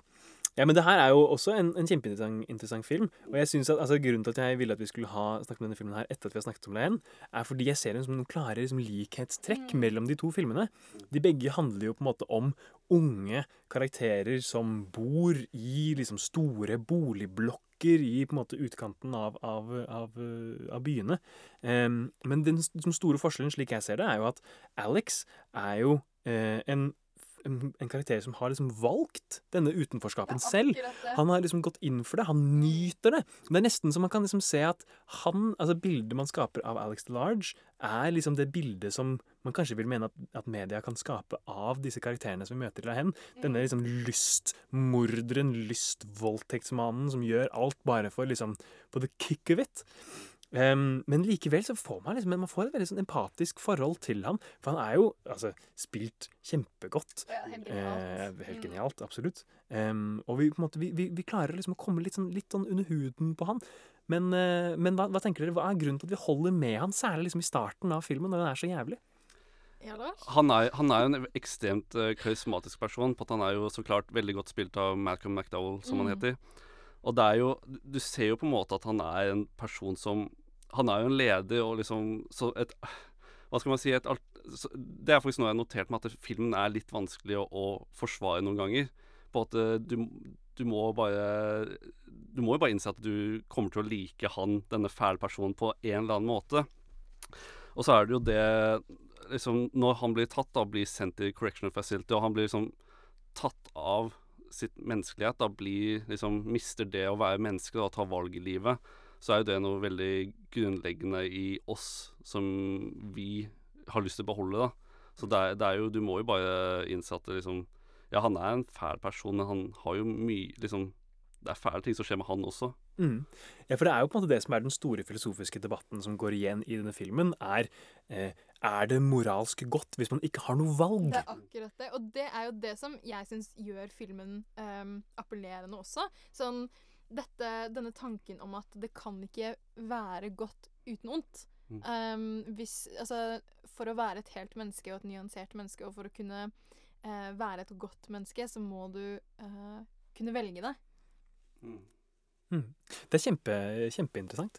Eh, og det er jo på en måte noe som går over filmen og over liksom karakteren. Men vi er jo på en måte fortsatt liksom knyttet til Alex da, og det han, og det han eh, lever igjennom. Og det er jo på en måte åpenbart at det er jo ikke bare liksom hans valg, eh, kan man si. Du nevner denne, denne, denne personen, denne autoritetspersonen fra skolen, som da åpenbart er en overgrepsmann, han også, som har liksom Eller ønsker å ha en form for seksuelt forhold til, til Alex. Det er noen konstruksjoner rundt der. Men en ting som jeg syns var ganske interessant med denne filmen her, er liksom måten de stiller opp deres kultur imot liksom hovedkulturen. De har jo sitt eget språk. Det er jo kjempe, kjempefascinerende bare å høre på denne filmen.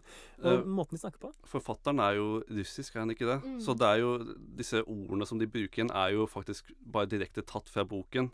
Og det er jo det er et valg Kubrick har tatt med at han beholdt disse russiskaktige ordene mens filmen fortsatt foregår på engelsk, da, som gjør det også enda mer eh, alienating, da, som man kan si. Ja, det er kjempeinteressant. Det er som en blanding av liksom gammelengelsk, hvor man liksom sier «dow», Mm. og sånne ting, og litt russiske ord og, og, og engelsk. Det er veldig veldig fascinerende. Altså, det etablerer jo en veldig sterk subkultur. Mm. Eh, um, ja, og så igjen, her går det jo også inn igjen dette her med klasseskille og, og sånne ting. For dette er jo eh, mennesker som veldig åpenbart er i en av de lavere klassene i samfunnet. da. Du ser jo hvordan de bor, og eh, at de Han beskriver at han bor i et distrikt. Jeg bor i distrikt 1, 8B, eller hva det er for noe. Eh, og så husene de drar, eh, hvor de drar og voldtar og banker opp eh, folk og i det hele tatt. De husene er alltid Det er stort, og, og det er vel liksom eh, Hva ordet jeg leter etter? Men liksom nesten sånn Overdådig. Overdådig. Ja, ja, ja. Det er sånn Alt er så ekstremt, da.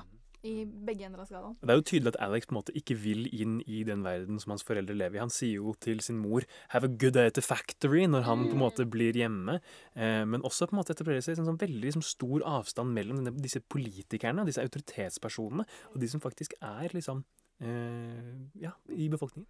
Og det som fikk meg til å like filmen mer enn La Hen, da, det er jo det at eh, i motsetning til La Hen, så får du liksom Du får en eh, Er det det man kaller status quo, da, hvor du liksom ser hva som faktisk er, hvordan livet er på starten, før ting eh, går over til det unaturlige, på en måte. Du ser liksom Ja, som du sier, da bor i disse eh, blokkene er sånn, sånn dystopisk helvete hvor de bare jobber i fabrikker. Det, det er så grått og trist. da du du føler jo mer med han at han har lyst på mer, da. At du ikke har lyst til å være stuck i disse eh, sementblokkene og sånt.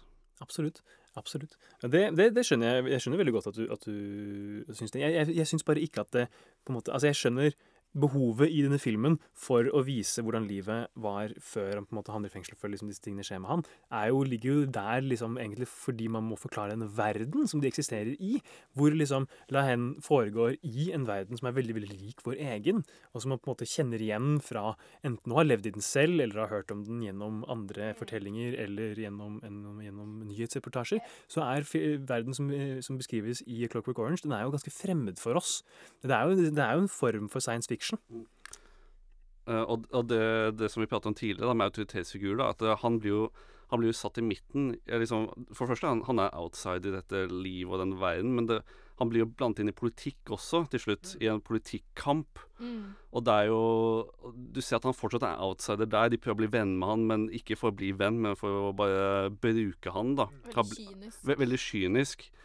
Og så Filmen har jo også kanskje det beste sluttsitatet noensinne. I was cured all right. Ja, Det, er, det, er så, det er så dystert, og det er bare så Det, det er det største punktumet jeg har sett i filmhistorien. Men den er fortsatt veldig ambivalent, slutten, på samme måte som vi har snakket om med disse tidligere filmene. Altså det, Vi har jo den her liksom drømmesekvensen hvor han ser disse to nakne kvinnene slåss med hverandre, som på en måte er en kulminasjon både av liksom hans seksuelle tanker og lyster og hans voldelige impulser, som på en måte slåss sammen i denne ene drømmen.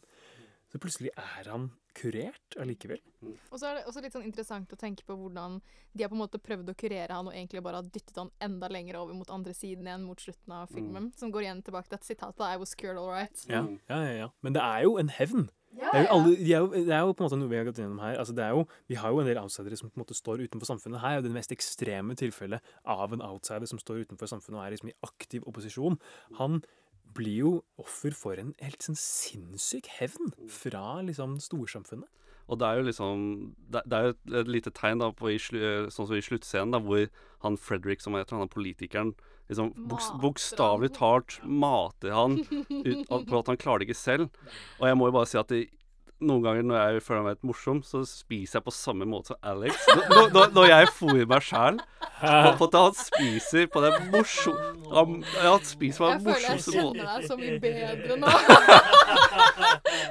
Ja. Og nå skjønner jeg hvorfor du ikke likte det Hen.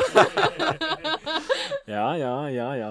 Nei, men uh, vi er vel egentlig alle enige om at Clockwork Orange er en, en utrolig, utrolig interessant film. Så jeg syns egentlig vi skal gå videre til å snakke om eh, We Need to Talk About Kevin. Men før det så skal vi høre en låt, nemlig Frail av Signe Død.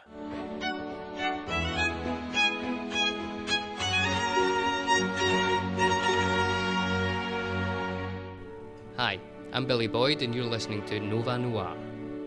Det var altså Frail av Signe Død. Og nå skal vi gå videre til å snakke om eh, We Need to Talk About Kevin. It's all right. To rock him a little bit. It's all right. You just have to rock him a little bit. You just have to rock him a little bit. Can you say ball? Ball? Ball? But shouldn't he be talking by now? I wouldn't worry about it too much. Thank you.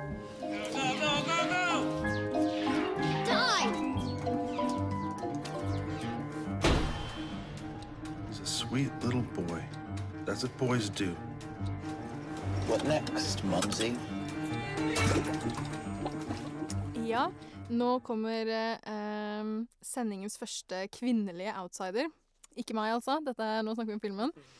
Um, We Need to Talk About Kevin er en psykologisk thriller fra 2011, regissert av Lynn Ramsey. Filmen er basert på bok med samme navn, og manuset adaptert av Ramsey selv og Rory Stewart Kinnear. I filmen er tenåring Kevin Kachadurian i fengsel etter å ha begått et massedrap på sin egen skole. Moren, Ava, bor alene i et lite hus rett ved fengselet, slik at hun har mulighet til å besøke ham. Gjennom tilbakeblikk sammenflettet med øyeblikk fra hennes nye hverdag får vi se hvordan hun tar konsekvensene for sønnens handlinger, og hvordan etterpåklokskap og anger kan være knusende. Wow. Ja. Men det her, altså igjen en film som gjør meg veldig ukomfortabel. Å, herregud, ja. Det, det, altså, man kan, man kan jo argumentere for at tematikken i We Need to Talk About Kevin kanskje er den tyngste av de filmene vi skal snakke om i dag, rett og slett fordi her handler det om barn. Um, og det jeg også syns er veldig interessant med denne filmen, er at her er det en person som ender opp som outsider av en annen person sine handlinger. Uh, vi, Ja. følger jo, vi følger jo moren sitt uh, perspektiv, uh, spilt av Tilda Swinton, helt genialt Mm. forresten. Fy søren for en rolle. Ehm, og hvordan hun sitter igjen. Hun har mistet alt, uh, og allikevel sitter hun igjen uh, og bærer konsekvensene av det sønnen har gjort, selv om de konsekvensene også egentlig har gått utover henne. Uh, og hvordan hun fortsatt står ved denne grusomme personen av en sønn. Absolutt. Det er, det er hjerteskjærende å se på. Eh, det må jeg ærlig innrømme. Um, og det er også, men det er også altså, ehm, Du sier at hun på en måte blir en, en outsider. Det er jo egentlig ganske interessant. eh, dette her med at hun blir, liksom- hun blir tvunget ut i denne rollen som outsider. Men eh, nå foregikk det kanskje litt, men hun er jo på en måte allerede en eventyrer. Det er jo hennes tittel, hennes rolle, før hun i det hele tatt får barn. Det er jo liksom interessant. Er ikke det liksom, altså Rollen eller tittelen som eventyrer, er ikke det liksom en rolle som, som insinuerer at man er litt en, en outsider i det hele tatt? Hun, Eva er jo fra starten av litt sånn en outsider. Hun La oss se for oss da at hun, hennes Vi får jo aldri noe innblikk i, i hennes arbeidsliv, men jeg ser i hvert for meg at hun har på en måte vært en type som har vært ute og, og besøkt forskjellige land og skrevet liksom reisebeskrivelser. Og da er man på en måte Man er en besøkende, man er en outsider, man er en utenforstående som på en måte skriver fra et utenforståendes perspektiv. Mm. Sånn som vi skjønner det, så i løpet av filmen så Hun er jo eventyrer og forfatter. Er på at vi ser at eh, Mm. hun har gitt ut en bok i løpet av filmen. Og der, men det er jo det at eh, når hun får barn, så er det på en måte Det er en røvelse av identiteten hennes, på en måte. På at du kan jo veldig reise mye mindre når du får et barn, og det blir jo mye vanskeligere med det personlige livet. Mm. Så det er, jo, det er jo kanskje en av de store eh, tingene som Ja. får eh, hele dette forholdet til å rakne før det i det hele Mm. tatt har begynt. Og det er også det som er veldig vanskelig da, ved å se på denne filmen. For du er litt sånn Moren har jo gjort feil. Hun har jo ikke vært eh, perfekt. Og det er jo det hun ser tilbake på, og som vi får lov til å se first hand uh, gjennom disse tilbakeblikkene i filmen.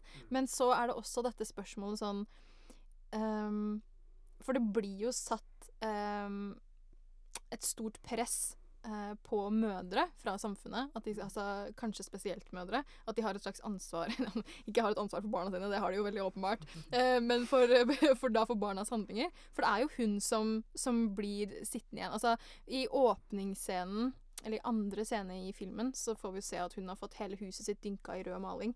Eh, selv om vi også ser at hun sitter hjemme og er alene. Hun drikker vin, hun går på eh, antidepressiva. Hun, hun kommer seg så vidt opp eh, eh, etter at hun har sovnet på sofaen. Det er liksom første gang vi virkelig ser henne. Uh, og så har hun fått både bil og hus dynket i, i rød maling fordi det er hennes feil, da. Mm. Quote on quote. Absolutt. Ja, men det er jo på en måte, altså, Hun virker jo på en måte som en som er ganske mistilpass i rollen som mor allerede egentlig fra starten av. Og det er jo også en, en rolle som man på en måte har veldig veldig mange sterke assosiasjoner og tilknytninger til. Denne rollen som mor.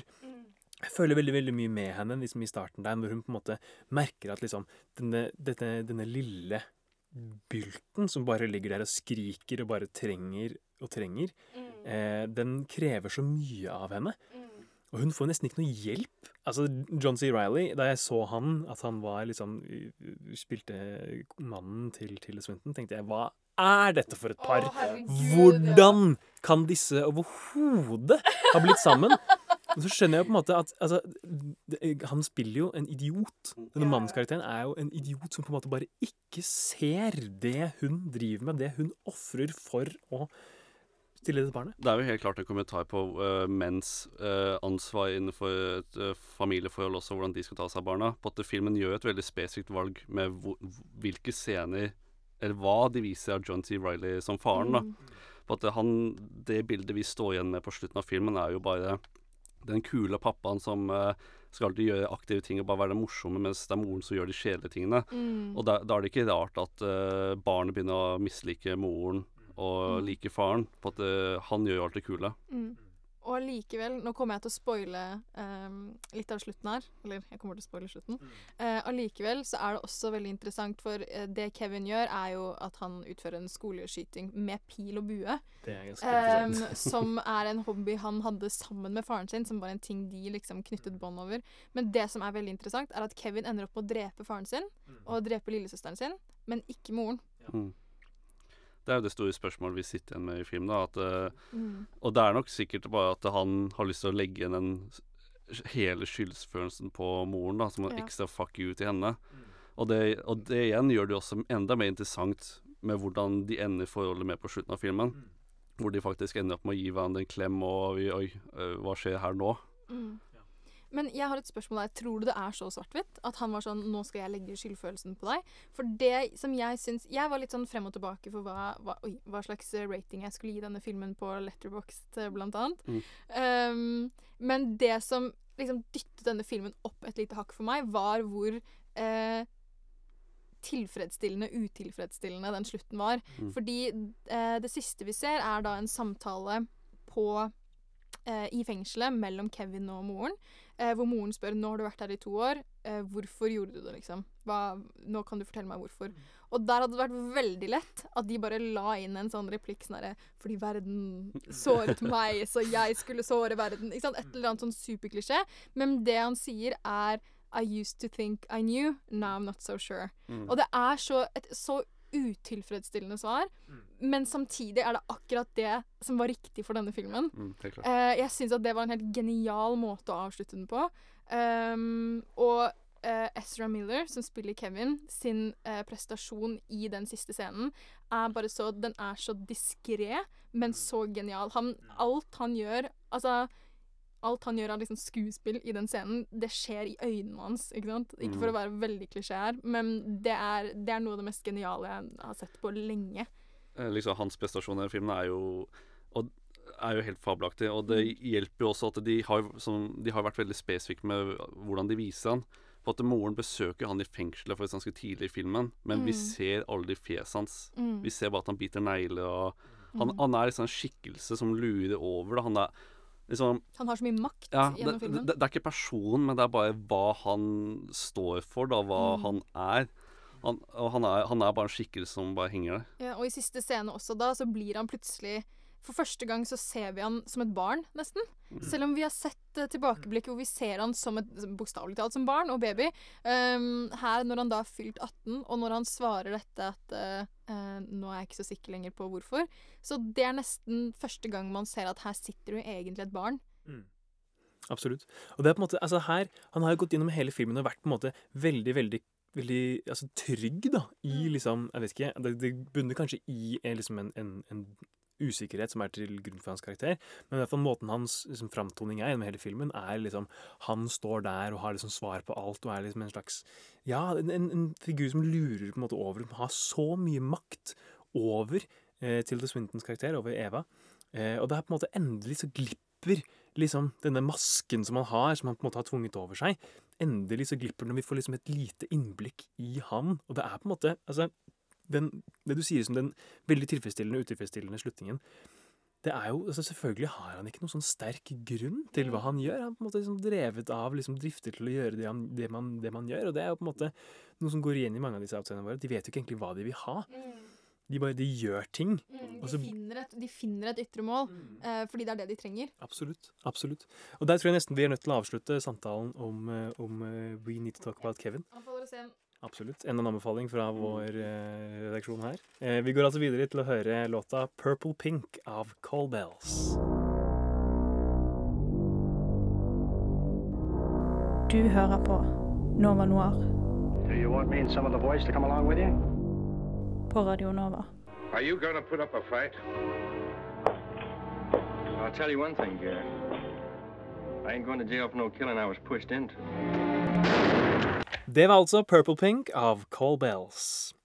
Og nå skal vi gå videre til å snakke om Wings of Desire.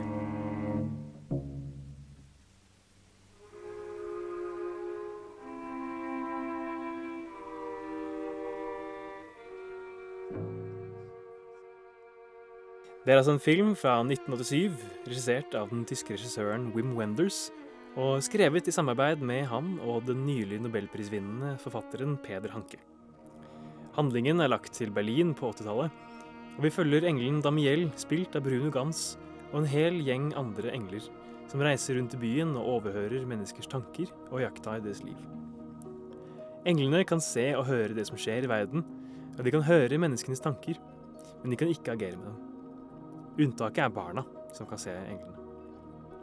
Damiel og hans venn Casiel samler på hendelser de møter på i menneskenes verden, og finner nytelse i særlig de små annerledeshetene og avvikene de støtter på. Damiel møter på et tidspunkt en ung trapesartist ved navn Marion, og hun vekker i han et lyst og et behov for å tre ut av englenes verden og inn i menneskenes. Filmen er for meg et utrolig vakkert perspektiv på menneskene og de små tingene i livet, men ikke minst byen Berlin. Og jeg må innrømme at det ikke tok meg mer enn ti minutter denne filmen, nå ved siste gjennomsyn, før jeg fikk tårer i øynene. Men Lars, igjen. Du var ikke helt begeistret. Eh, hvorfor det? Eh, jeg tror jeg kan den t- til stjerne av fem. Eh, men eh, det er også en film sånn som Mishima hvor du faktisk må la den synke litt. Eh, på et sånt sagt, så bare, Jeg rater med en gang jeg er ferdig. Eh, så det har jo, det har jo blitt litt eh, varmt seg opp i hjertet mitt, men Ro, ro, ro din båt. Jeg må ville at vi skal være fullstendig ærlige. Dette her er et safe base. Uh, Jo, jo, men uh, liksom, det, det er en veldig fin film, og jeg elsker liksom bare sånn Bare elsker det små i livet. Da. Det er jo det filmen i seg selv er. Jeg bare sånn elsker små ting, og hans ønske om å bli et menneske for å akkurat nyte disse uh, øyeblikkene. Men eh, det som tar filmen ganske kraftig ned for meg, er at eh, den første akten, da, eller hvor han er engel, eller første halvdel, eh, er litt for lang på at det, og litt for lang å bruke på de samme gjentar det samme. Jo, de små tingene er fine og går sånn. Og det var liksom Når han ble menneske, så ble filmen Den ble så mye bedre, og jeg fikk så mye glede når jeg så den, da. Og ja.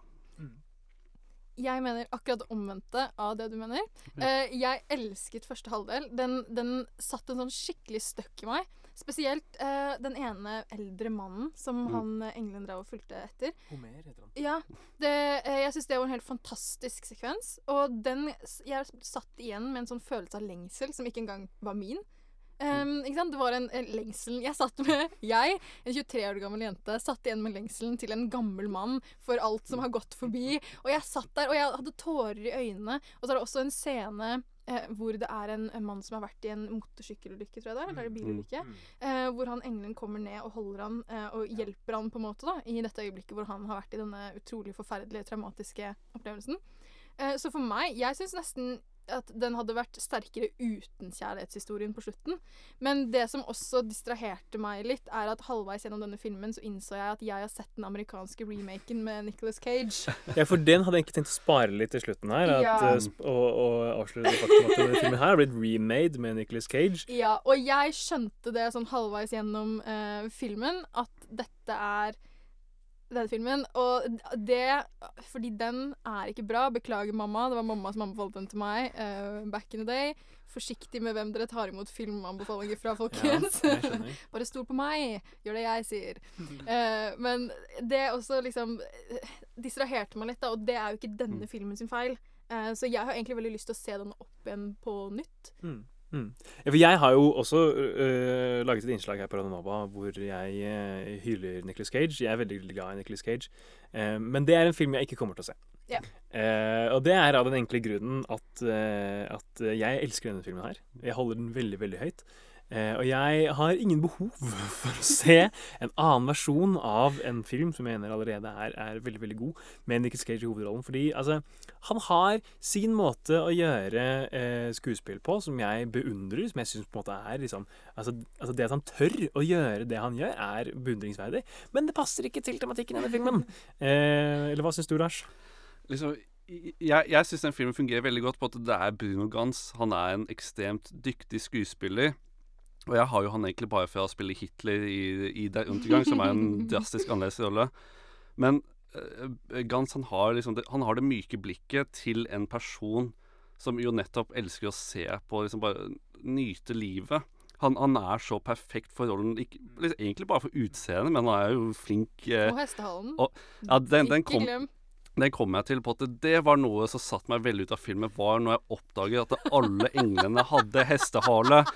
Til og, liksom, alle mennene hadde hestehale, til og med de som hadde så kort hår at det ble bare så litt sånn knupp. Liksom, jeg vet ikke hva jeg skal kalle det på tuppen. Og det er sånn og, og, og det verste var at det, når jeg så Bruno Gans forfra med den sveisen, og når jeg innså det, så så jeg liksom Jeg så bare Steven Segal i tysk versjon. Men hvis du ser til høyre nå, på mannen til, til din høyre side, Jo, jo, men og så ser, du på, så ser du på denne nuppen Nå kan jeg Men- avsløre for våre lyttere at jeg har tatt håret i, eh, i ponytail. I eh, hva skal man si, i sympati med denne filmen og i opposisjon mot Lars. Men, men nå skal det sies at jeg er ikke imot hestehale, jeg er bare imot hestehale til de som ikke har lengden til hestehale. Mener du å si at Bunny Gans ikke har en lang og m- flott nok manke? Eh, Ikke, ikke lang nok. å bære? Ak ja. Wow, for en objektivisering av A- disse stakkars mennene. Akkurat her, er det- akkurat her er det lengden som teller, altså. Det skal si. Her er det størrelsen som Mm. Jeg eh, vil nok si at det er mer i måten du booker den på. Eller hva sier du? Ja, jeg er helt enig med det. Jeg bekrefter. Men en annen ting apropos det. eh, det, som, det sterkeste minnet jeg har fra denne Nicholas Cage-remaken, som for øvrig Jeg er også sånn Nicholas Cage-fan. Jeg syns han er så fantastisk morsom, og han er en sånn eh, skuespiller som bare Han går i hvert fall all in i det han gjør, det kan man si.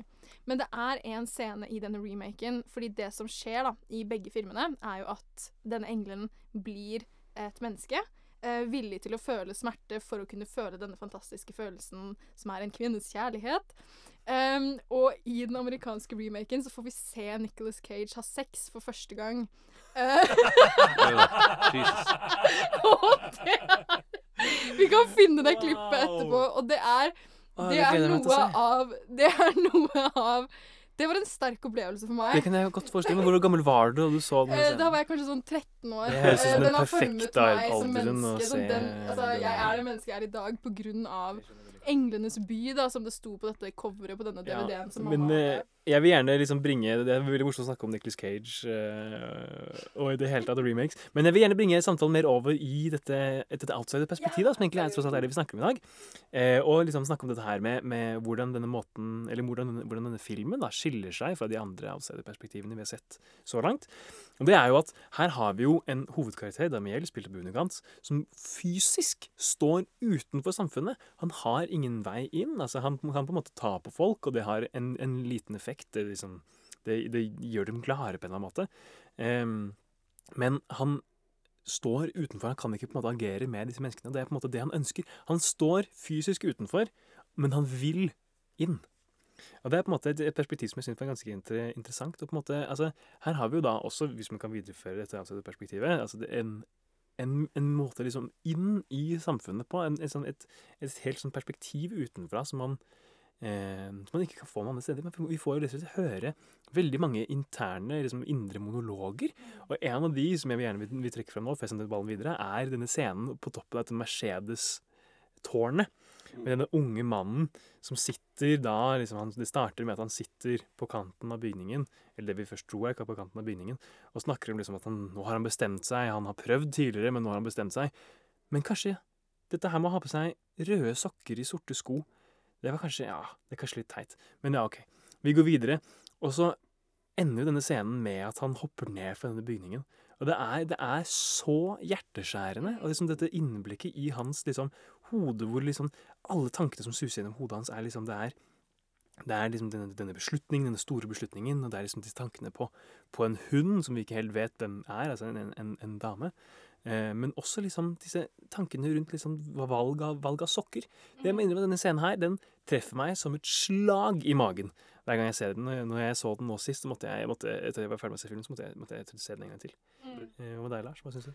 Jeg, syns det er en helt fantastisk scene. Og det er som du sier da, at det er liksom, han, liksom står foran dette største livsendrende valget sitt. da Og så begynner han å tenke på sånne valg av, som du sier, valg av sokker.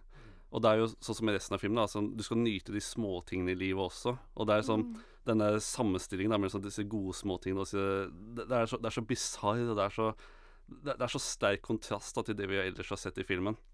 Så jeg syns det, er- det er en ekstremt sterk scene. Og det jeg også syns er eh, litt interessant å tenke på, er jo at det denne filmen prøver å kommunisere, er jo dette med at um, um, for at noe skal føles godt, så må det også føles vondt. Og Mm. det som er litt interessant med det, er at det går jo nesten tilbake til A Clockwork Orange. Ikke sant? At er du egentlig et godt menneske om du ikke også har muligheten eh, å velge bort eh, det å gjøre vondt. Mm. Så jeg syns det var litt interessant at dette er to veldig forskjellige filmer. Altså Dette er en romantisk, søt, herlig film på mange måter, selv om den har veldig triste og hjerteskjærende aspekter. Mens Clockwork Orange er jo Det er jo ultraviolence, Mm. ikke sant? Eh, og hvordan um, uh, Jeg vet ikke, jeg syns det var veldig interessant hvordan den tematikken går igjen i det. Mm, absolutt. absolutt. Det er, det er veldig interessant perspektiv. Og jeg skulle virkelig ønske at jeg kunne snakke veldig veldig mye mer om, om uh, Wings of Desire. Men det må dessverre bli uh, en annen gang, for vi er nødt til å gå videre. Så vi går over til å snakke, eller vi går over til å høre om uh, Morning Coffee av Kristoffer Eikrem og Beautiful Disco. You feel that?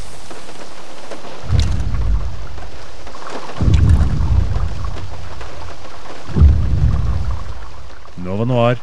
Det merkes på tyngden. Det var altså Morning Coffee av Kristoffer Eikrem og Beautiful Disco. Og for å runde av her, eh, hva er det egentlig vi har lært om outsidere på film i løpet av eh, dagen? De er jo sympatiske personer, da. Selv om vi av og til ikke, ikke, ikke, ikke føler det. Så er det, det, er- det er alltid noe å finne sympati for hos folk. Jeg tror for, for, for det meste handler det om å Kloke ord.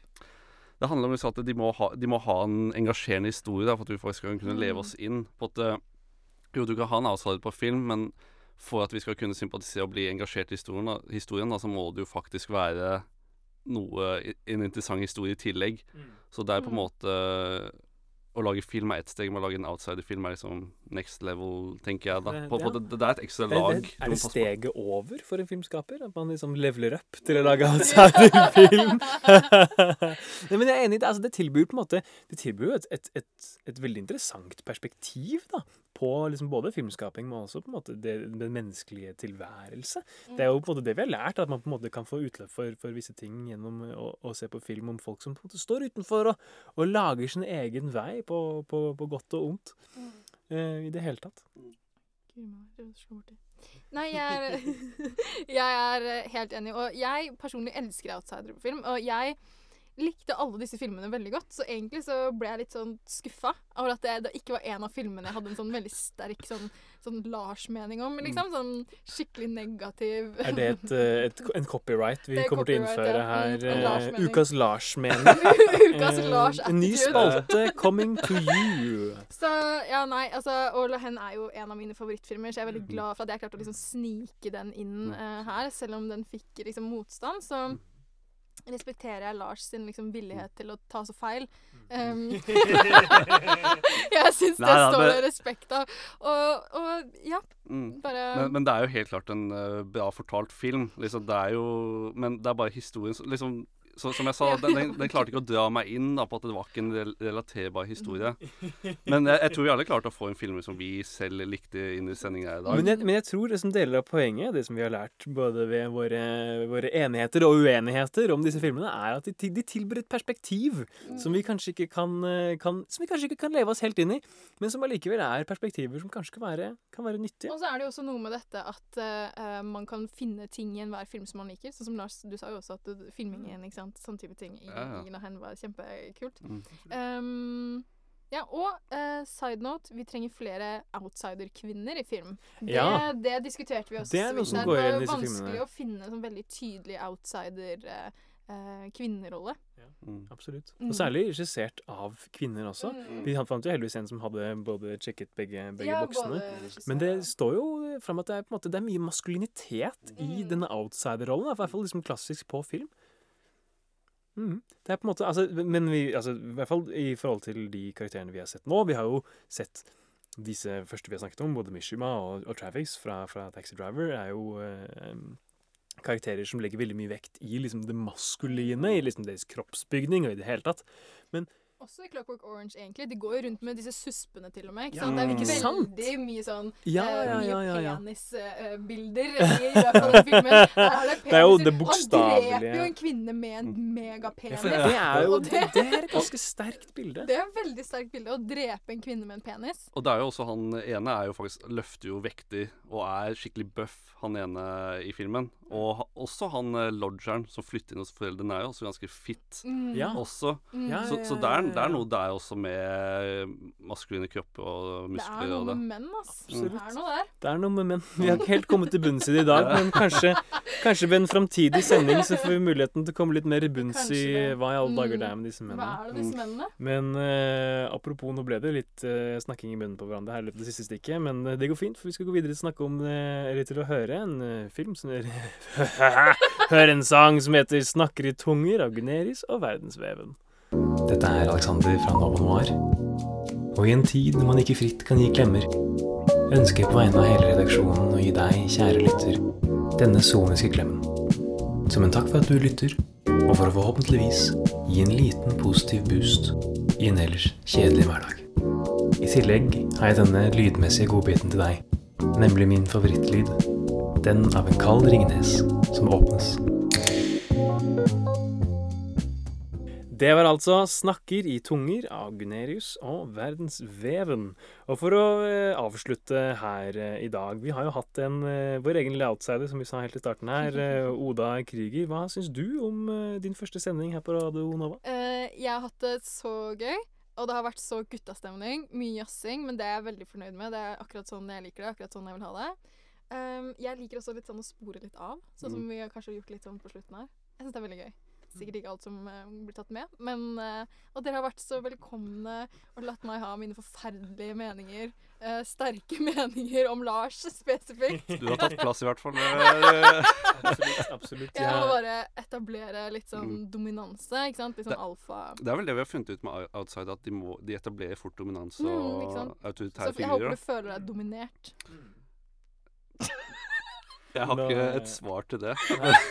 Vi kan la samtalen gli over i Lars. Hva syns du? Eh, Har du lært noe i løpet av dagens sending? Nei, jeg, jeg har lært mye. Jeg syns det har vært veldig spennende. Og det er jo som klart å kunne prate om Clockwork Orange er jo bare en fryd. Det er jo favoritt, en av favorittfilmene mine. Men det er jo også, som sagt, selv om jeg, ha, jeg ikke nesten, nesten hatet Lehen, så er det jo gøy å få utvidet horisontene sine og faktisk se Ja, jeg, jeg er jo helt uenig med disse folka, men å se, se, se det og bli liksom Det er jo det filmen er, å åpne opp Mm. sinnet til disse andre folka som ellers ikke opplever det de gjør. da. Mm. Så det er jo helt klart, det har jo vært eh, mye å lære her, altså. Jeg ser du har en liten øl i hånda der. Kan ikke du gi en lytterne en liten smakebit på Ja, så klart kan jeg det. Åh, Det var altså den deilige lyden av en kald Ringnes som åpnes. Og jeg kan ta siste, siste økt her. Vi eh, har jo da snakket både løst og fast om disse filmene vi har eh, likt og likt og hatet og hatet å like, kanskje.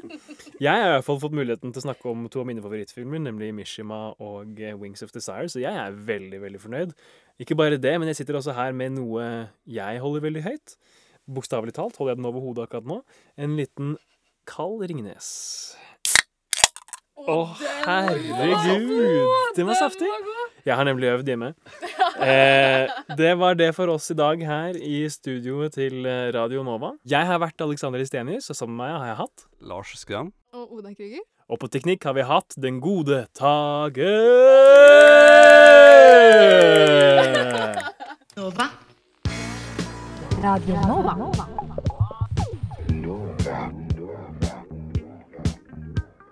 Du hører på Radio Nova. DAB, nettspiller og mobil.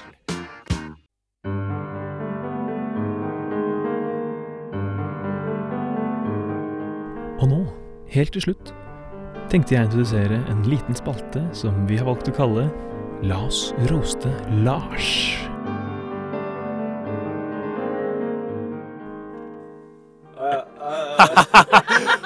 Har han bare tatt eierskap som noen har lest på nettet? Har du vært inne på liksom trivia-seksjonen på IMDb og lest dette her?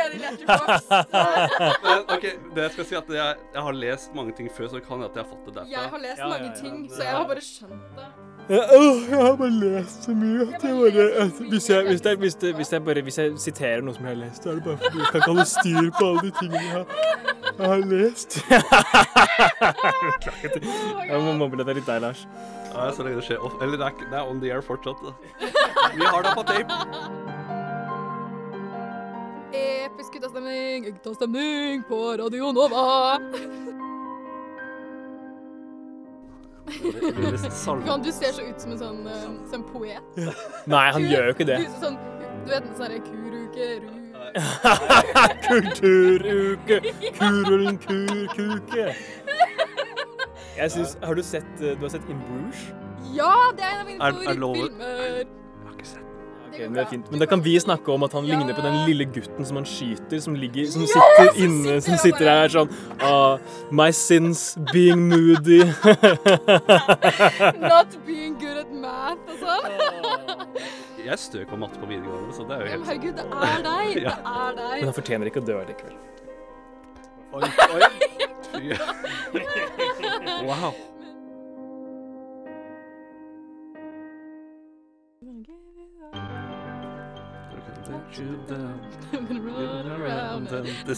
You.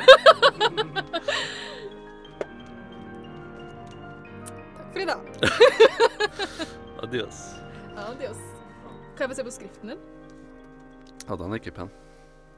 Du skriver akkurat som Vegard. Jeg kødder ikke. Det er helt likt ut. Altså, jeg sier ikke at du skriver stygt, jeg bare sier at du skriver likt som broren min. Ja, Det tar jeg ikke som en kompliment. Nei, du burde ikke det. Han mangler jo fingre.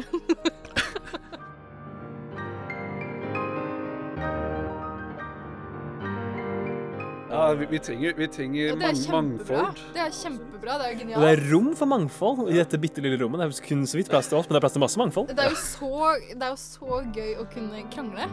Ja, du- Men på, men, men på en hyggelig måte. Ja, så klart.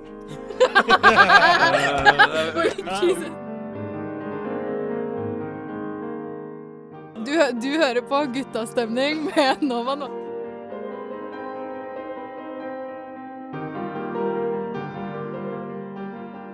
Her viser jeg dere av barndommen min. Og så, er det, og så blir jeg kalt joker. Hjelp meg, Tage. Jeg syns så synd på stakkars Lars.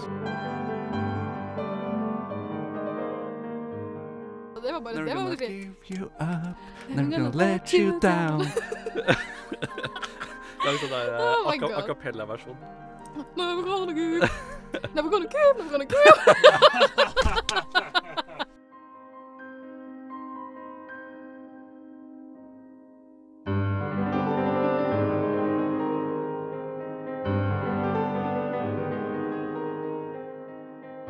Og det er jo det som gjør den så genial også. Jeg har masse tanker om dette. Vi må sette av en halv time til å hen, OK? Jeg er glad du ikke er SA, i hvert fall. Wow. Fight me. Fight me right now!